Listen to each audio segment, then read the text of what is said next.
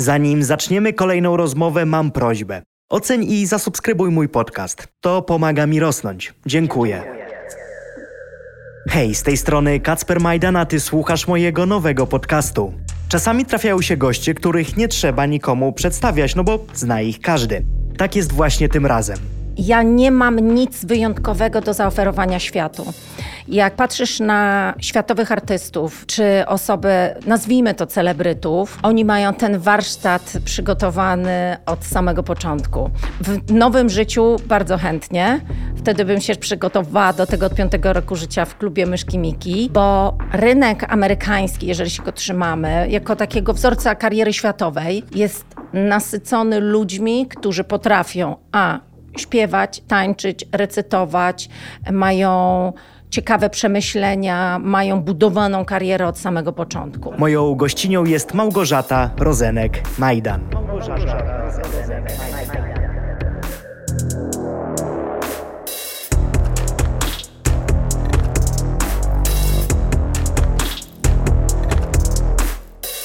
Myślę, że to, że ja mam na nazwisko Majdan, a ty jesteś Rozenek Majdan, to jest wymarzony początek tej rozmowy. Tak, i muszę ci powiedzieć, że to była oprócz oczywiście twojego dorobku zawodowego, który znam, też bardzo duży powód do tego, żebyśmy się dzisiaj spotkali. Czy Radosław o tym wie? Radosław o tym wie, ale powiem ci śmieszną sytuację, że wczoraj miałam kontakt również zawodowy z dziewczyną, która się nazywa Paula Majdan. Matko, a ja nigdy nie poznałem nikogo poza Radosławem z telewizji, osoby, która ma na nazwisko nazwisko Majdan i nie jest ze mną spokrewniona. Także to jest niesamowite. Ja w ogóle mam taką śmieszną historię i każdy pamiętam, że jak byłem jeszcze w podstawówce, kiedy Radek regularnie gdzieś tam występował, grał, tak. każdy mnie w podstawówce pytał, ale czy ty jesteś spokrewniony z tym Radosławem Majdanem? I różnie. Czasami mówiłem, że tak, czasami, że nie. Oficjalna odpowiedź jest taka, że nie. Nie, Chyba. ale to też jest pierwsze pytanie, które ja tobie zadałem. No właśnie. Mhm. Także nie byłem tym zaskoczony, bo już to pytanie pamiętałem i znałem dobrze z czasów podstawówki, ale dawno dawno go nie słyszałem. Powiedz mi, jak to jest, jak widzisz, że twoja wartość marketingowa jest wyceniana na 208 milionów złotych? To jest kolosalna kwota, obiektywnie nawet. Mówisz o rankingu Forbes najcenniejszych kobiecych marek osobistych. Tak. To jest tak, że ja budując swoją markę osobistą, nigdy nie myślę o wycenie rynkowej. To znaczy, to jest tak, że wbrew pozorom pieniądze są efektem ubocznym. To jest trochę tak jak z treningiem. Sylwetka jest efektem ubocznym zupełnie innej potrzeby. I tak samo przy budowaniu marki osobistej ta wycena rynkowa nie jest nigdy moim priorytetem, ale bardzo się cieszę, że ona jest odzwierciedleniem takim mierzalnym całej ciężkiej pracy, którą każdego dnia wykonuję i takim potwierdzeniem rynkowym, że to, co robię, ma sens i że ma też ogromną liczbę ludzi, którzy za tym idą. Przed tobą była tylko Iga Świątek i zastanawiałem się, czy Idąc trochę tutaj właśnie tym kunsztem marketingowym, myślałaś nad tym, żeby przenieść swoją karierę też za granicę, żeby pójść już globalnie ze swoją marką osobistą, bo masz markę odzieżową, która jest już za granicą, czy jeszcze nie? Wchodzimy teraz na schodzące rynki. Powiem Ci zupełnie szczerze, ja nie mam nic wyjątkowego do zaoferowania światu. Jak patrzysz na światowych artystów, czy osoby, nazwijmy to celebrytów, oni mają ten warsztat przygotowany od samego początku. W nowym życiu bardzo chętnie, wtedy bym się przygotowała przygotowała do tego od piątego roku życia w klubie Myszki Miki, bo rynek amerykański, jeżeli się go trzymamy, jako takiego wzorca kariery światowej, Zdecydowanie. jest nasycony ludźmi, którzy potrafią a śpiewać, tańczyć, recytować, mają ciekawe przemyślenia, mają budowaną karierę od samego początku. Ale jak myślę o Kim Kardashian, to nie do końca się z tym zgodzę.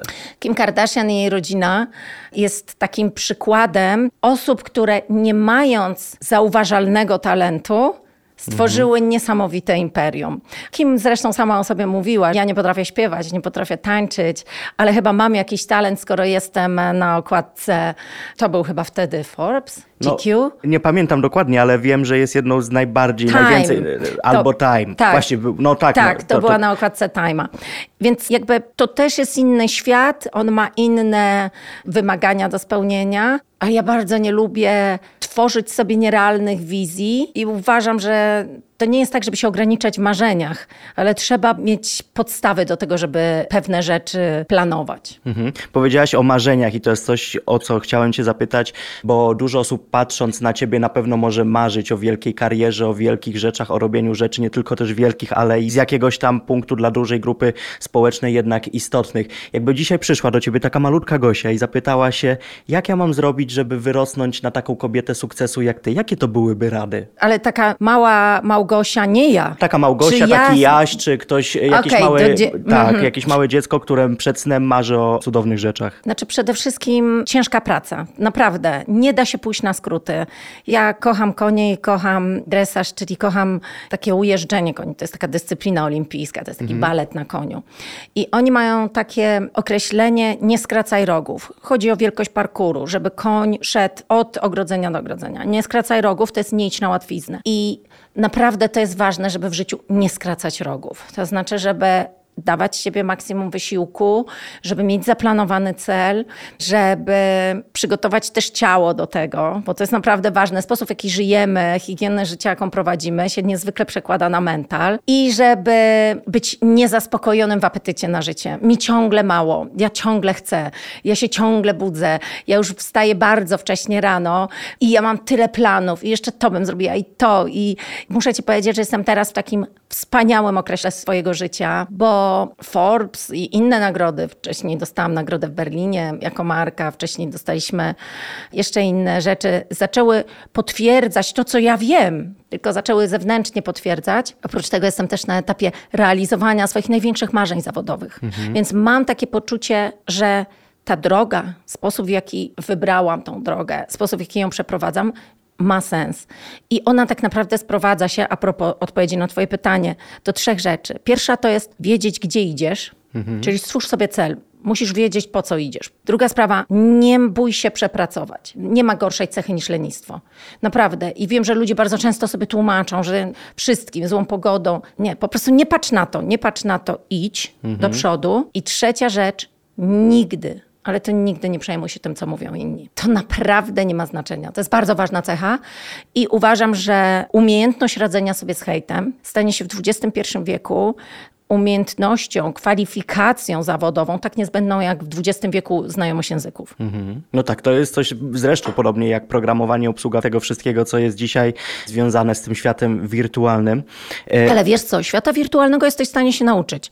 Znaczy, zrobienia rolki, wstawienia YouTube'a, na, nagrania podcastu, to są technikalia, które naprawdę jesteś w stanie się nauczyć. Ludzi to przeraża, bo im się wydaje, że to jest trudne, ale kompetencyjnie każdy jest w stanie to zrobić. Ale umiejętność poradzenia sobie z hejtem jest dużo trudniejszą umiejętnością, która wymaga dużo większego nakładu psychicznego. I ważne jest, żeby ludzie zaczęli doceniać odporność psychiczną jako cechę niezbędną do tego, żeby osiągać cele. A ile razy ktoś próbował wykorzystać Twoją popularność, Twój sukces, próbując się do Ciebie zbliżyć, a później no, wyciągnąć coś z tego dla siebie, a nie był osobą, która po prostu z czystej empatii chciała z Tobą kontakt utrzymywać? Nigdy, bo ja nie dopuszczam takich ludzi do siebie. Okej. To A jest- jakich poznajesz w takim razie? Bo to myślę, że może być trudne czasami.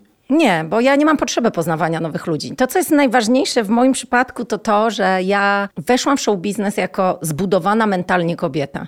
Ja miałam 31, 2 lata. To późno w ogóle Późno. na dzisiejsze realia. Bardzo późno. No. Miałam dwójkę dzieci, miałam stabilną sytuację mentalną, więc to się wydarzyło na tyle późno, żeby nie zawróciło mi to w głowie, bo byłam skonstruowana już psychicznie jako kobieta. Ale ja mam w sobie taką bardzo głęboko zaspokojoną potrzebę przyjaźni, bo mam przyjaciela, Wiktora, który przy okazji jest moim menadżerem. Szczerze mówiąc, relacja, którą my tworzymy i relację, którą tworzę z moim mężem i relację, którą tworzę ze swoimi koleżankami, które znam już lata i relacje, które tworzę ze swoimi rodzicami, to są relacje, które kompletnie zaspokajają moją potrzebę relacji społecznych. Bardzo nie lubię przypadkowych znajomości.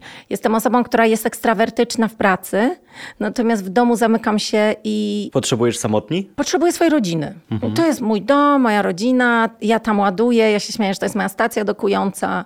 Im więcej mam czasu w domu z moimi bliskimi, tym większą mam siłę do tego, żeby działać na zewnątrz. W ogóle nie zawieram przypadkowych znajomości na imprezach, na które w ogóle nie chodzę. Nie ma tego we mnie takiej otwartości na nowe relacje, dlatego, że mam bardzo mocno zaspokojone wszystkie potrzeby takie A społeczne. to nie jest też pewnego rodzaju pancerz przed tym właśnie, żeby się nie naciąć? Nie, bo ja tak nie myślę. Wiesz, ja w ogóle nie jestem osobą, która programuje źle. Ja bardzo, bardzo głęboko wierzę w coś takiego jak pozytywne myślenie.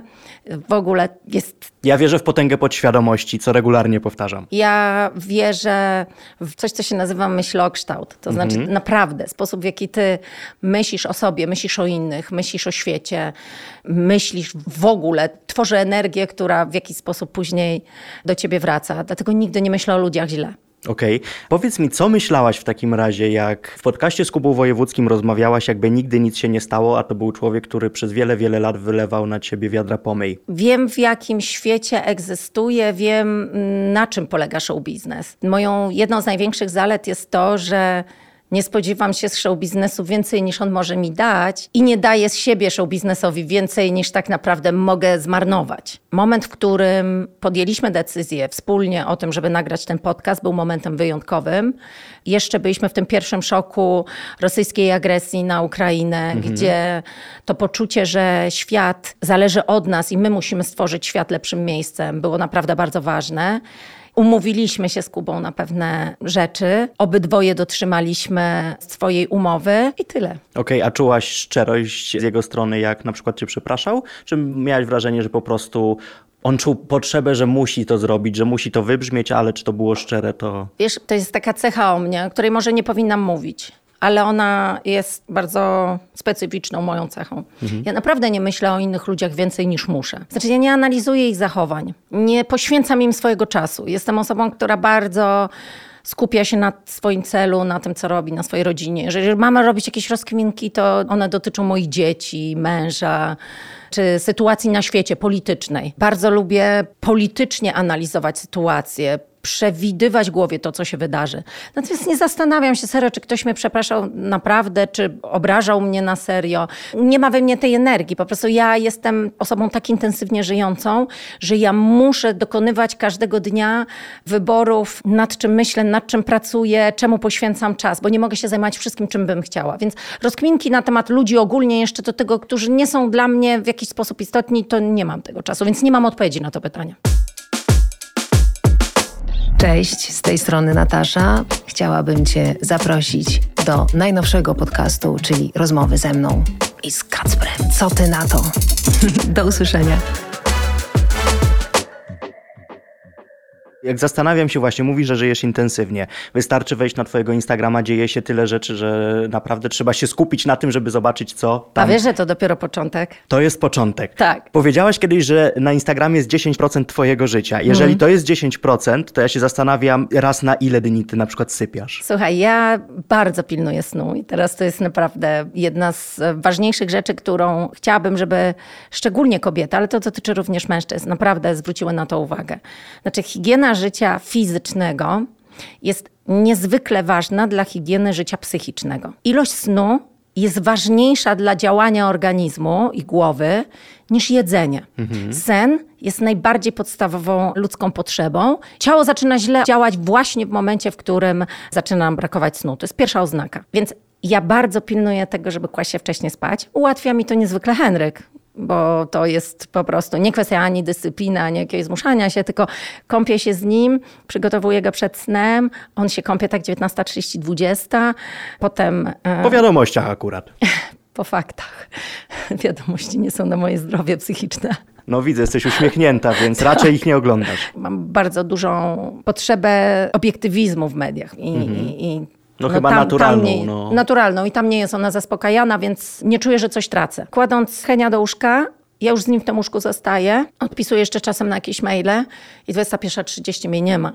I ja naprawdę ten nocny sen regeneruje bardzo mocno. Natomiast to prawda, że na Instagramie nie ma bardzo, bardzo wielu rzeczy z mojego życia, bo po prostu nie ma takiej możliwości. Ja bym musiała wrzucać non-stop coś. U mnie się non-stop I tak coś mam wrażenie, dzieje. że cały czas coś wrzucasz, ale mówisz, że będzie tego jeszcze więcej, co jest ciekawe i że to jest początek, okej. A czego byś nigdy nie pokazała na Instagramie? Myślę, bo jakby nie rozumiem twojego pytania. W Co, sensie... co jest taką nieprzekraczalną granicą prywatności, której, no choćby nie wiem co, nie pokażesz? Czy jest coś takiego w ogóle? My trochę inaczej chyba mam wrażenie myślimy o Instagramie. Mój Instagram jest miejscem, którym chcę dzielić się z ludźmi swoim życiem.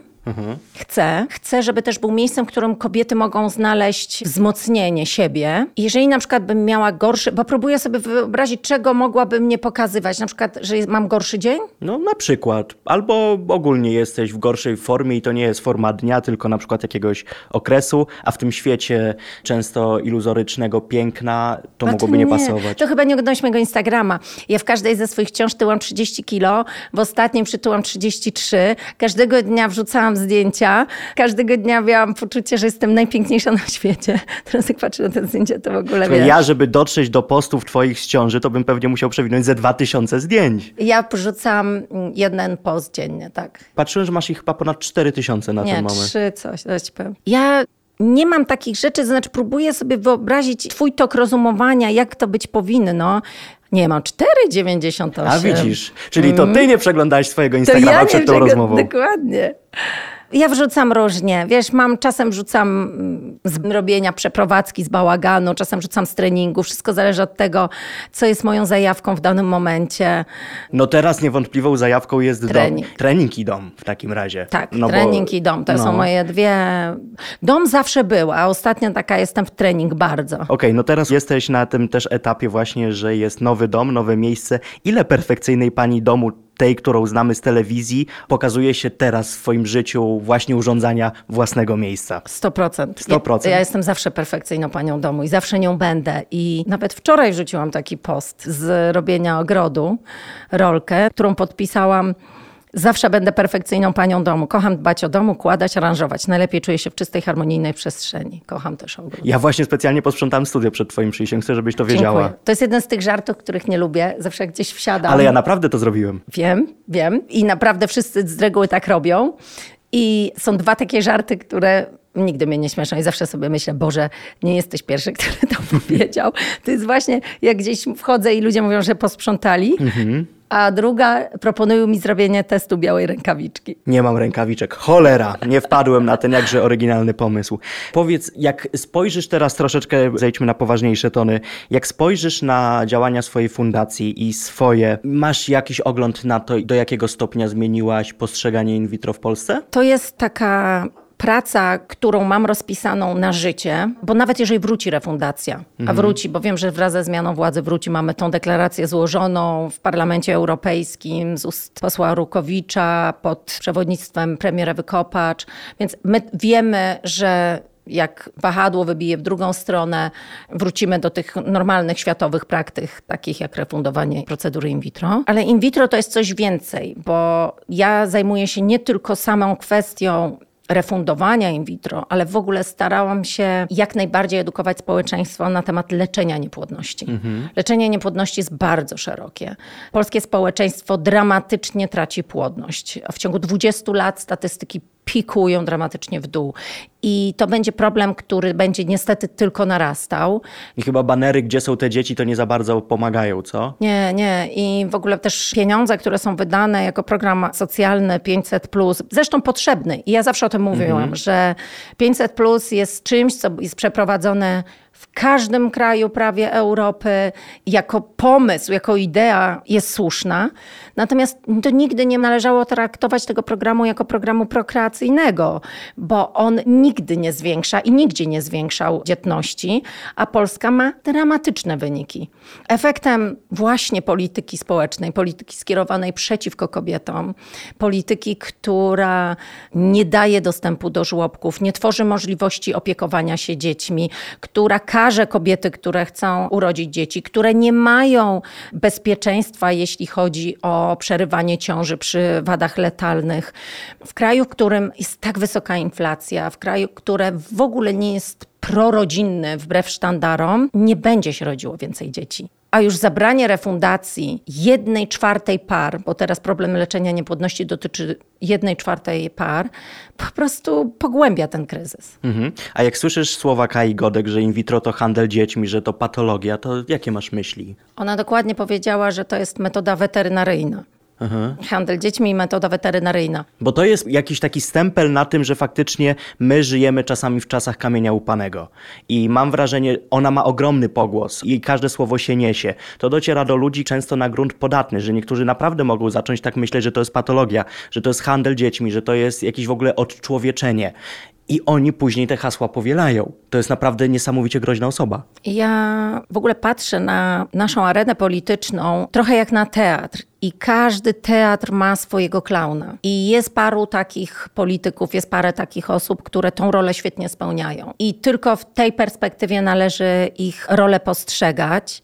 Myślę, że naszym obowiązkiem jako fundacji, moim obowiązkiem jako matki, naszym obowiązkiem jako społeczeństwa jest nie skupianie się na pojedynczych osobach, które wrzucają jakieś zdania, które tak naprawdę dla szerszej perspektywy nie mają znaczenia. Znowu, nie jesteś w stanie robić wszystkiego. Mhm. Musisz wybrać, musisz nakierować swoje cele. Moja fundacja i ja, i ludzie, którzy są związani ze mną, jesteśmy teraz nakierowani na to, żeby uzyskać jak najwięcej funduszy. Bo jak rozmawiamy z ludźmi, którzy się z leczeniem niepłodności borykają, to te osoby najbardziej narzekają na kwestię dostępu do funduszy. I to jest nasz numer jeden. Nie mogę marnować ja, ani swojej, ani ludzi pracujących w mojej fundacji, ani innych stowarzyszeń energii do tego, żeby dyskutować z kimś, kto za chwilę powie, że wylądowało UFO. No, że Ziemia jest płaska, szczepionki zabijają, 5G zabija, a tak, później... Tak, i chodzą w foliowych czapeczkach. Dokładnie, a wyjeżdża później ciężarówka. W ogóle to jest niesamowite, jeżeli nawet pomyślimy właśnie o tym, jak można wyobrażać sobie z perspektywy kobiety dzisiaj macierzyństwo. Idzie się ulicą i widać te ciężarówki, na których są e, jakieś przerażające zdjęcia tak. płodów. Podpisane jest to, że to jest lewacka ideologia, która doprowadza właśnie do tego, tego i tego, to jest straszne i nie zastanawiać się, dlaczego coś takiego, pomimo tej władzy, którą mamy, nie jest na dobrą sprawę karane? Przecież to jest, no... Myśl... Szczerze, oczywiście, znaczy zastanawiać nie zastanawia, bo mam jasne myślenie na ten temat. Tak być nie powinno, ale nie mam też złudzeń i to bym chciała, żeby nasi ludzie, którym jest bliżej do centrum i do lewej strony zrozumieli, chociaż wiesz, że ja siebie uważam za prawicową konserwatystkę. Naprawdę? Naprawdę. Mimo tego, że jestem bardzo pro-choice, mimo tego, że jestem wegetarianką, ja i cała moja rodzina, mimo tego, że jesteśmy bardzo pro-LGBT, ja nadal jednak uważam, że jestem, pochodzę z takiego prawicowego, konserwatywnego domu i uważam, że taka powinna być nowoczesna prawica. I jestem absolutnie przekonana, że tacy ludzie jak ja stworzymy w przyszłości nowoczesną prawicę, która będzie proludzka, która będzie prozwierzęca, która będzie prorynkowa, ale która będzie pamiętała o Polsce jako o kraju, bez jakiegoś separatyzmu, który teraz mamy. Więc myślę, że tu jest jeszcze dużo do zrobienia. Zabrzmiało trochę jak expose. A myślałaś o tym, żeby mieć własną karierę polityczną? Ja widziałabyś się na przykład w roli premiera? Myślę, że jako posłanka lub europosłanka mogłabym bardzo wiele dla Polski zorganizować i nie wykluczam tej drogi. Nigdy zresztą nie wykluczałam, zawsze mówiłam o tym głośno, że w pewnym momencie masz takie poczucie, że warto wziąć sprawę w swoje ręce. Ja teraz, szczególnie pracując bardzo ściśle z polityką, widzę, jak ważna jest to rola, jak decyzyjna jest to rola i jak ważne jest i odpowiedzialne jest też głosowanie na odpowiednich ludzi. Już niedługo będę gościem na kampusie. Tam będziemy rozmawiać na temat dostępu do leczenia niepłodności, bo widzisz, musisz zrozumieć, że to, że skasowano refundację in vitro, to była pierwsza jaskółka. Jak odnajdziesz moje wywiady, na przykład dla Newsweeka czy dla Wprost, ja wtedy mówiłam, że słuchajcie, oni idą po prawa kobiet. To się tak zaczyna. Ten powrót do takiego normalnego, światowego leczenia niepłodności jest takim powrotem do tego, jak powinny wyglądać prawa kobiet w ogóle w Polsce i prawa par w ogóle w Polsce. Gdzie jest rola państwa, gdzie jest społeczeństwo. I jest dużo do zrobienia w tym temacie, ale to jeszcze, wiesz, pieśń przyszłości. Mhm. Liczyłaś, ilu rodzinom pomogła Twoja fundacja? Sporej liczbie. Jesteśmy na chwilę przed opublikowaniem takiego rocznego raportu. Mamy ciążę, nawet kilka. Mhm. Ale chcę to wszystko ogłosić, jak zrobimy konferencję prasową, która podsumuje y, ten program, który zrobiliśmy na 2022 rok, więc jeszcze trochę. Okej. Okay. Jak wyglądają, trochę tytułem końca, bo też chciałbym, żeby to pozostało gdzieś tam jako pieśń przyszłości. Jakie masz plany dotyczące telewizji? Ty zastanawiałaś się w ogóle, czy ty jesteś bardziej potrzebna telewizji, czy telewizja tobie? Tak jak ci powiedziałam, jestem w najlepszym zawodowo swoim czasie. Już niedługo będzie wiadomo, dlaczego tak myślę. Uważam, że i ja, i telewizja to bardzo dobra para. Ja i telewizja to jestem jak ja i radio. Jak ty i radio. Okej. Okay. Czyli będą wspólne dzieci. będą. Fantastycznie i za to trzymam kciuki. Dziękuję Ci bardzo. Ja również, dzięki. Dziękuję, że słuchasz mojego podcastu. Nie zapomnij ocenić i zasubskrybować go na platformach podcastowych. Do usłyszenia. Kacper Majdan.